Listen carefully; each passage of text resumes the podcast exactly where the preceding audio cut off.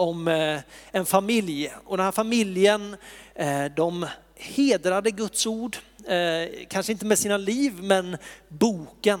Den låg alltid framme centralt i vardagsrummet och man rörde inte den utan den hade sin bestämda plats. Till den grad att det liksom samlades ett dammlager uppe på den här bibeln.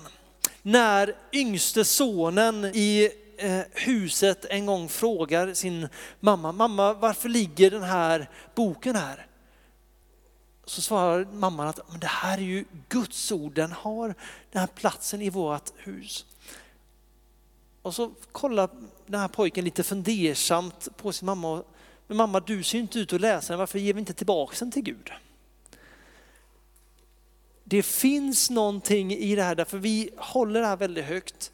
Men frågan är, låter vi det på riktigt, den insikten av Guds ord, den skatt som det är, har det landat i våra liv? Någonting som jag personligen fascineras enormt mycket av, det är den förföljda kyrkan i världen. Det finns någonting i deras liv när det handlar om att tro på Jesus är förknippat med livsfara när det inte finns liksom plats för ljummenhet utan antingen är det Jesus eller så är det ingenting av honom. Så läser man berättelser om den förföljda kyrkan i Nordkorea. Där kristna begraver Bibeln i en plastpåse i bak i jorden i trädgården därför det är förbjudet att ha en bibel. Så mitt i natten så går kristna ut i trädgården, gräver upp bibeln. Med hjälp av ficklampor sitter man och läser därför man är rädd för att regeringen ska komma in, söka igenom ens hus på jakt efter en bibel. Det finns berättelser om hur polisen kommer till skolor, träffar små barn och frågar, föräldrar, äh, eh, frågar barnen, brukar dina föräldrar läsa ur en liten svart bok? Och de får en belöning om de svarar, de lovas att de ska få godis eller liknande om de svarar på det här. Och barnen tänker, men det här är ju jättebra, de är ju nöjda med mig. Så de barn som svarar ja, det gör de. De får en belöning, de blir hemskickade och när de kommer hem så har polisen redan varit där och tagit deras föräldrar och satt dem i fångläger. Det priset är människor på världen där det är förbjudet att läsa Bibeln beredda att betala bara för att få smaka på Guds ord insikten av vikten och den sprängkraft som finns i berättelserna om Jesus. Det är man beredd att riskera sitt liv för. Hos oss kanske det ganska ofta ligger och samlar damm. Och det finns någonting i det här också, för det påverkar då också hur vi läser Bibeln eller hur vi möter Guds ord. Jag vet inte hur det är med er, men jag har i perioder brottats med att ah, men det är ganska segt att läsa Bibeln. Det kan vara ganska tråkigt att läsa Bibeln. Ibland känner jag, jag upplever ingenting, jag märker ingenting, så varför ska jag göra det? Men jag vet att det är bra att göra det. Jag vet inte om ni kan känna igen er i det eller om det bara är jag som har den problematiken i vissa, vissa perioder. Det är bara jag, säger Jakob. Det är bra. Det är tur att det är så i sådana fall.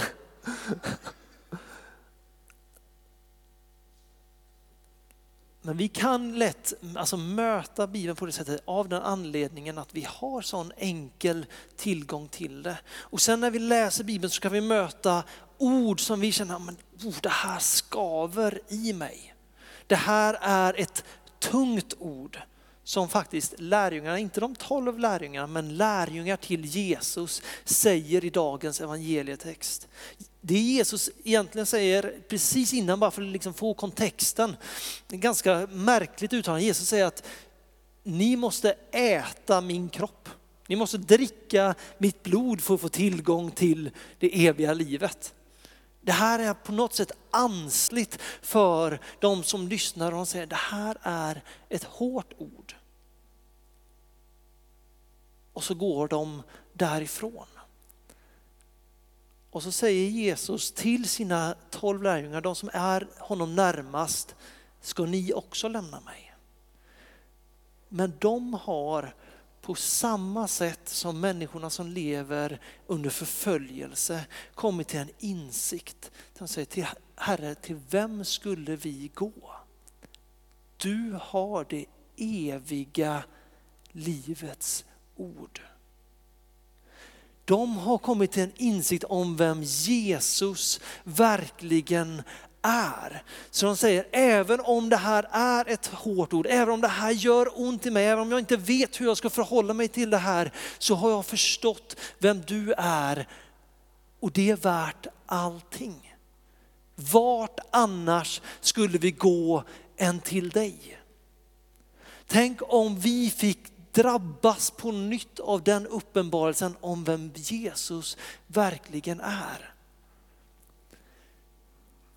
För jag tror det finns ett, jag tror det finns ett problem i, om man ser kyrkan över tiden och jag tror det finns ett problem om man kollar kyrkorna runt om i Sverige och världen idag. Ni vet så här är det med allting.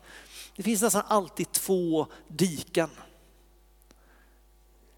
I det här ena fallet så har vi lagen.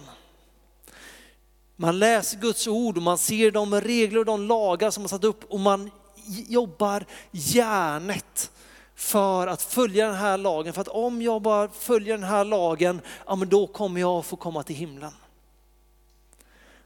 Och så inser människan, men det där är inte riktigt vad Jesus säger. Jesus är inte emot lagen, men Jesus säger ni måste tro på mig. Ni måste komma in i en relation med mig, för hos mig finns det nåd för era överträdelser.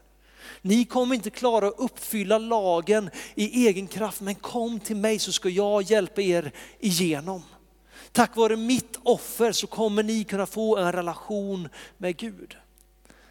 Och så slår pendeln över och vi hamnar i det andra diket, i nåden i att allting på något sätt är okej därför Jesus har dött för oss. Jesus betalar priset så det spelar ingen roll vad jag gör. Ingenting kan skilja mig från Guds kärlek. Det är sant. Ingenting kan skilja oss från Guds kärlek. Jesus har betalat priset.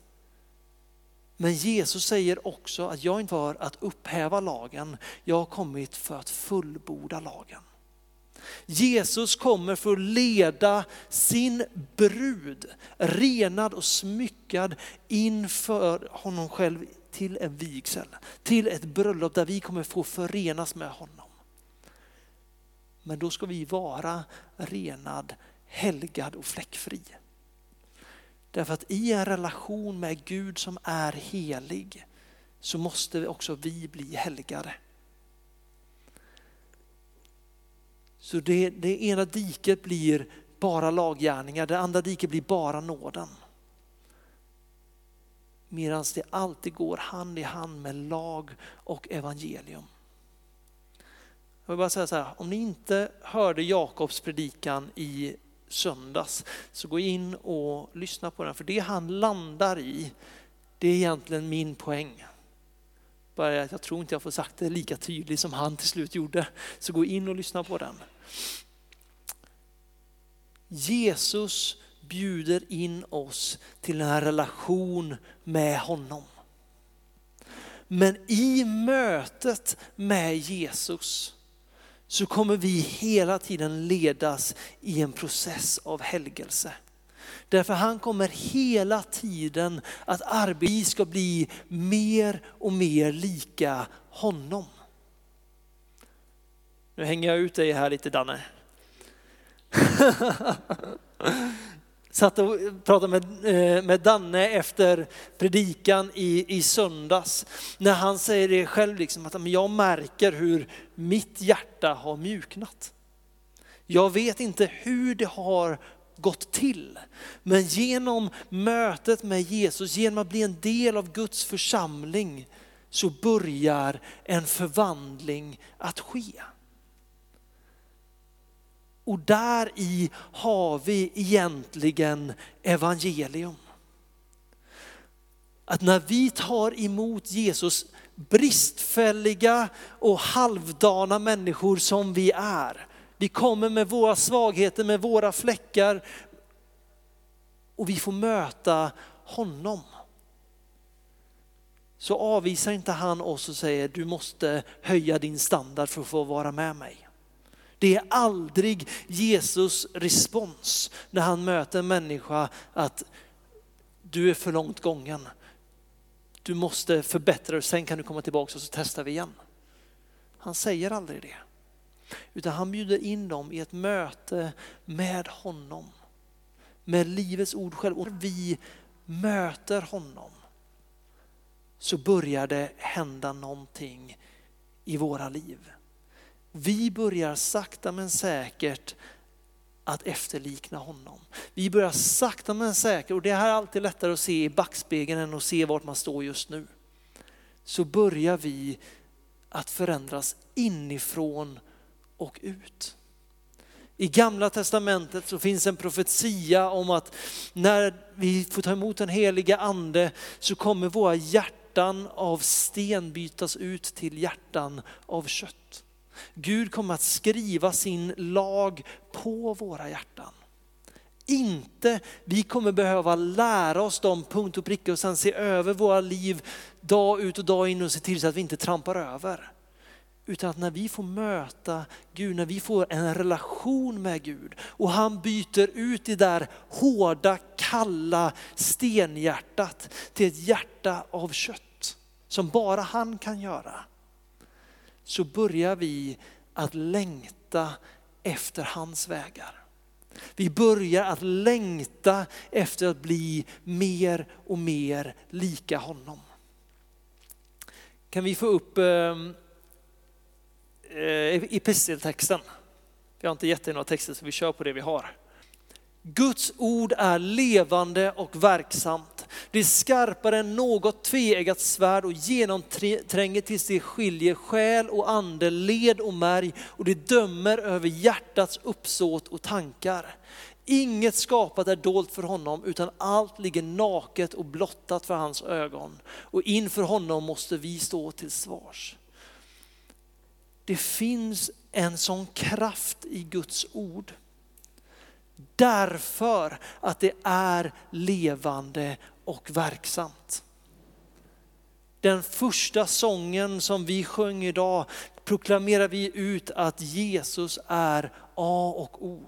Han är alfa och omega. Och för du som inte, dig som inte vet var det uttrycket kommer ifrån så är A är första bokstaven i både svenska och amerikanska och grekiska eh, alfabetet.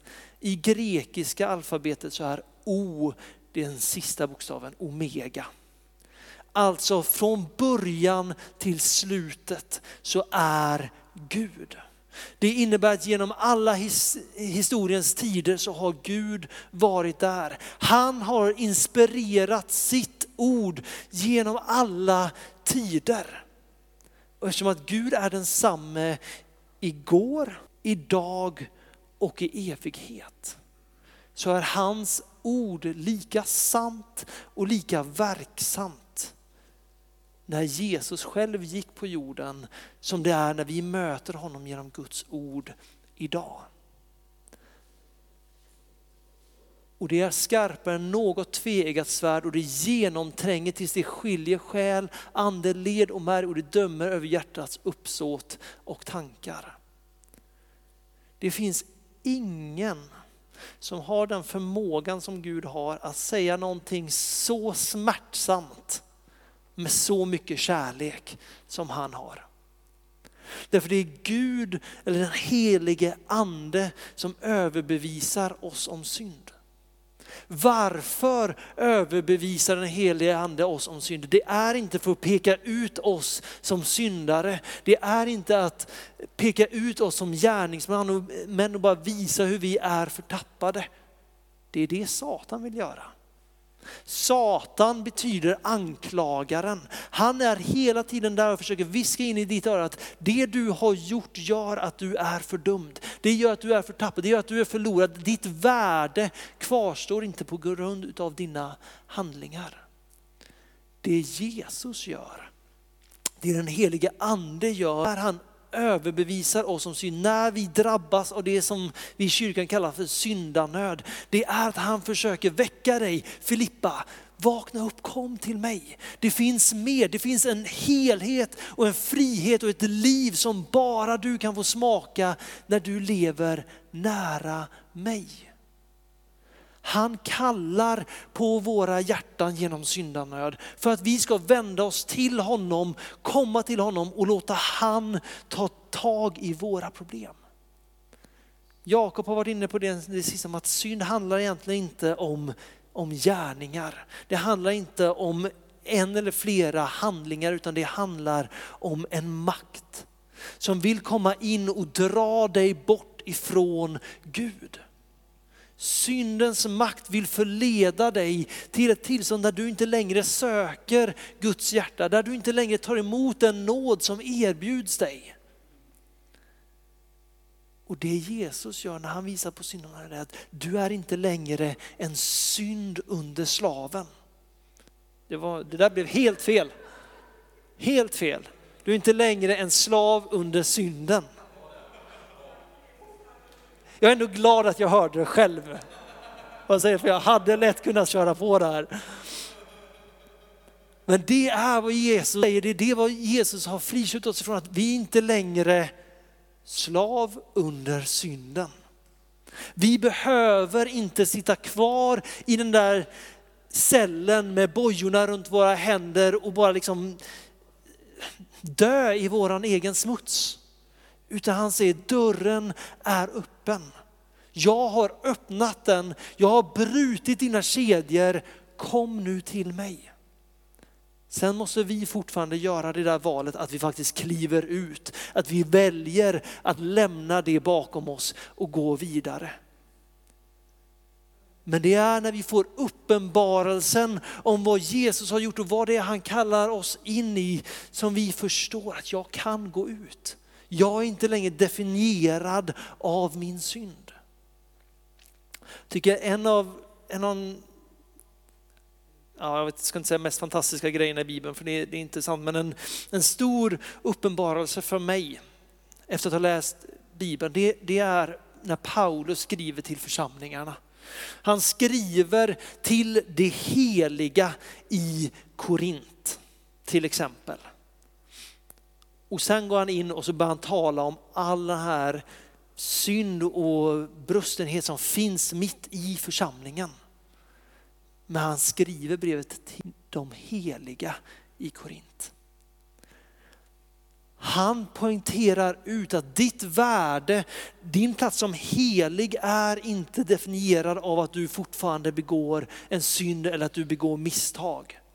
Du är helig därför att helighet betyder avskildhet. Gud har avskilt dig till att vara hans. Du är avskild för att tillhöra honom. Så även när vi gör bort oss så är du helig jord. Därför han har avskilt dig och mig.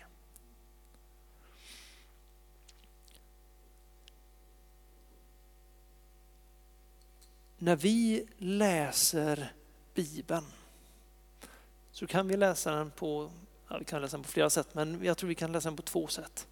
Vi kan läsa den som vilken bok som helst, vi kan läsa den av honom för att jag ska läsa det här. Jag ska läsa bokstäverna som bildar ord, som bildar meningar, som bildar kapitel och så blir jag lite visare jag blir lite smartare. Och i det så tror jag på många sätt att det är sant att bokstaven dödar. När vi bara blir fokuserade på men vad är det som står i form av lära. Men sen kan vi också läsa Guds ord med uppenbarelsen om att Guds ord är levande och starkt, att Guds ord är sanning från början till slutet och i när, vi, när jag tar in hans ord så får det förvandla mig inifrån och ut därför det är Guds ord. Det är ett levande ord. Lectio divina, att jag läser Bibeln också med mina andliga ögon. Jag låter ordet landa i mig och förvandla mig. Det, det var en kyrkoherde som efter högmässan stod på kyrktrappan och liksom hälsade på församlingsmedlemmarna när de gick ut. Och så kommer där en kvinna och han hälsar och säger Fröken Andersson, vad roligt att du var med på högmässan, det var så kul att se dig. Vad tyckte du om min predikan idag? Den var som Guds frid. Kyrkoherden svarar, wow, vad, menar du verkligen det? Ja, den gick över allt mänskligt förstånd och den varade en evighet. Det var ändå bra Danne. Det, det, finns, det finns något i, i historien och det finns någonting idag när vi kollar på till exempel teologi, alltså läran om Gud, eller sättet som vi pratar om Bibeln, när det handlar om att förstå. När det handlar om att bara förstå de här djupa sanningarna, vi ställer mot varandra och vi bollar och brottas med det. Och det, det finns mycket gott i det, det finns ett värde av teologiska samtal. Men det är mötet med Jesus som förvandlar oss. Det är när vi faktiskt läser hans ord för vad det är, det är Guds ord. Inte bara den akademiska förståelsen av det. För det kommer inte frälsa oss. Men när vi låter Guds ord möta våra hjärtan så har det förmågan att skilja mellan märg och ben. Det har förmågan att komma in och vrida om hela ditt liv. Idag är det tydligen, eller i söndags var det tydligen reformationsdagen. Reformationen, eller reformation kommer från något eh, latinskt ord, reformatio eller något så här liknande, som betyder egentligen antingen att det betyder förnyelse men det kan också betyda gå tillbaks till ursprunget. Vi kan se i kyrkohistorien hur kyrkan var full av präster som läste Bibeln på latin. Predikade utifrån den latinska texten, ett språk som gemene man inte kunde. Det hade blivit en bok, ett ord för eliten. Det som händer i och med reformationen med Luther och Zwingli och inte Ignatius och de andra gubbarna, men utan med de reformationens ledare, det är att Bibeln på nytt blir tillgänglig för allmänheten. Och det vi ser när människor själva börjar läsa Guds ord, inte bara de kunniga Eh, professorerna och prästerskapet, utan när den vanliga människan börjar läsa Guds ord så börjar det skapas över hela Europa och sen sprider sig hela bort, vägen bort till USA. Så börjar det komma väckelser där människor börjar betona en relation med Jesus.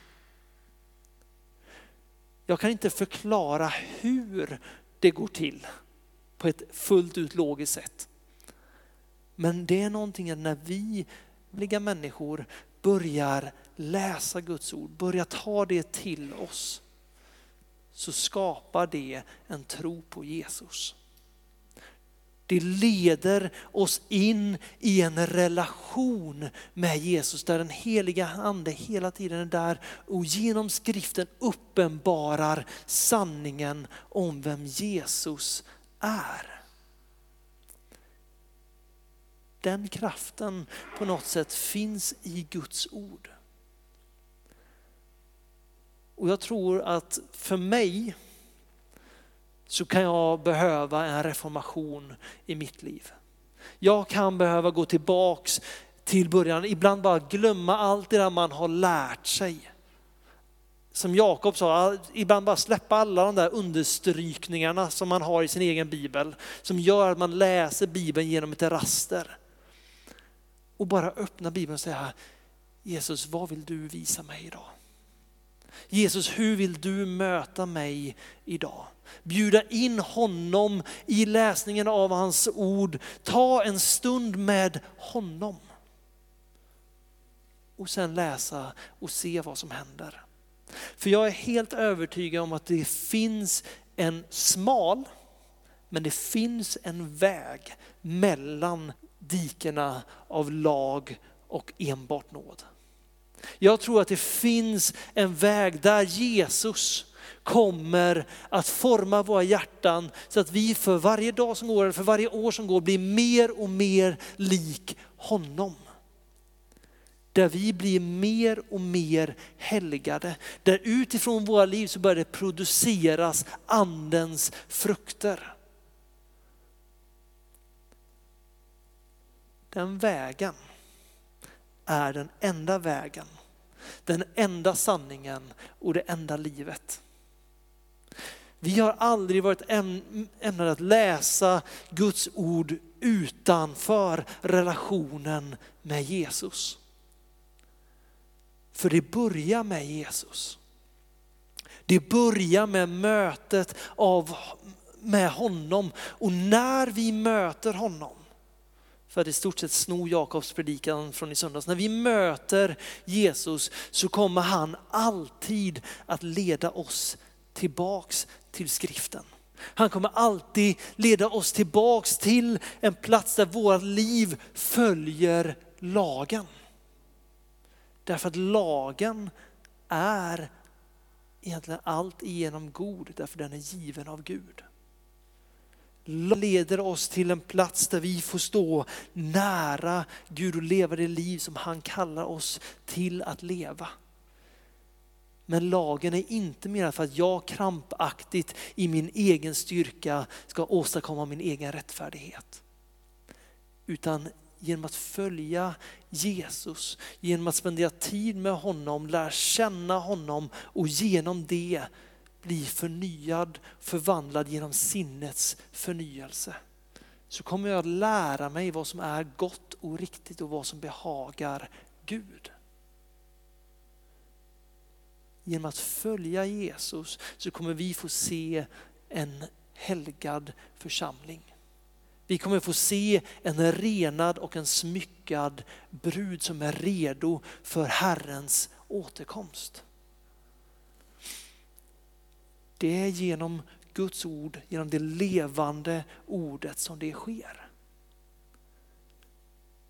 Men det är inte med Jesus vid sidan om när mitt, bara min logik och mitt intellekt jobbar, utan det är genom att han får uppenbara sanningen i sitt ord. Den heliga ande kom för att leda oss in i hela sanningen. När vi börjar läsa Bibeln med den heliga andes hjälp så kommer han att börja uppenbara saker som vi bara kan hittills. Och det kommer att förvandla oss inifrån och ut.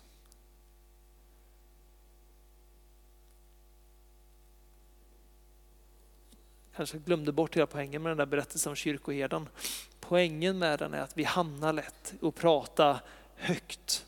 Vi pratar om stora teologiska dilemman eller förståelsen om det. Jesus valde ut enkla människor.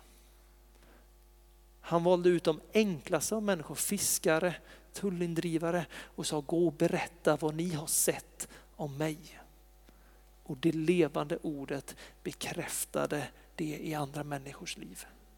Paulus säger, jag går inte i min vis, egen vishet utan jag kommer i min svaghet och det enda jag vill predika är, min, är uppenbarligen som Jesus som korsfäst. Och när vi predikar det enkla budskapet, när vi predikar det, det som det står för gemene man, inte allt det som teologer har kommit fram till, utan när vi predikar den enkla sanningen om vem Jesus är så kommer det bli ett levande ord som kommer gå in och träffa människors hjärtan. Skilja mellan märg och ben, bryta ner även de högsta murar, de starkaste murar Ord kommer att lägga ner sina liv inför honom. Inte genom vår vishet utan genom det levande ordets kraft. Och Det kan inte vi åstadkomma själva, men vi kan få möta det genom att möta med Jesus. Amen.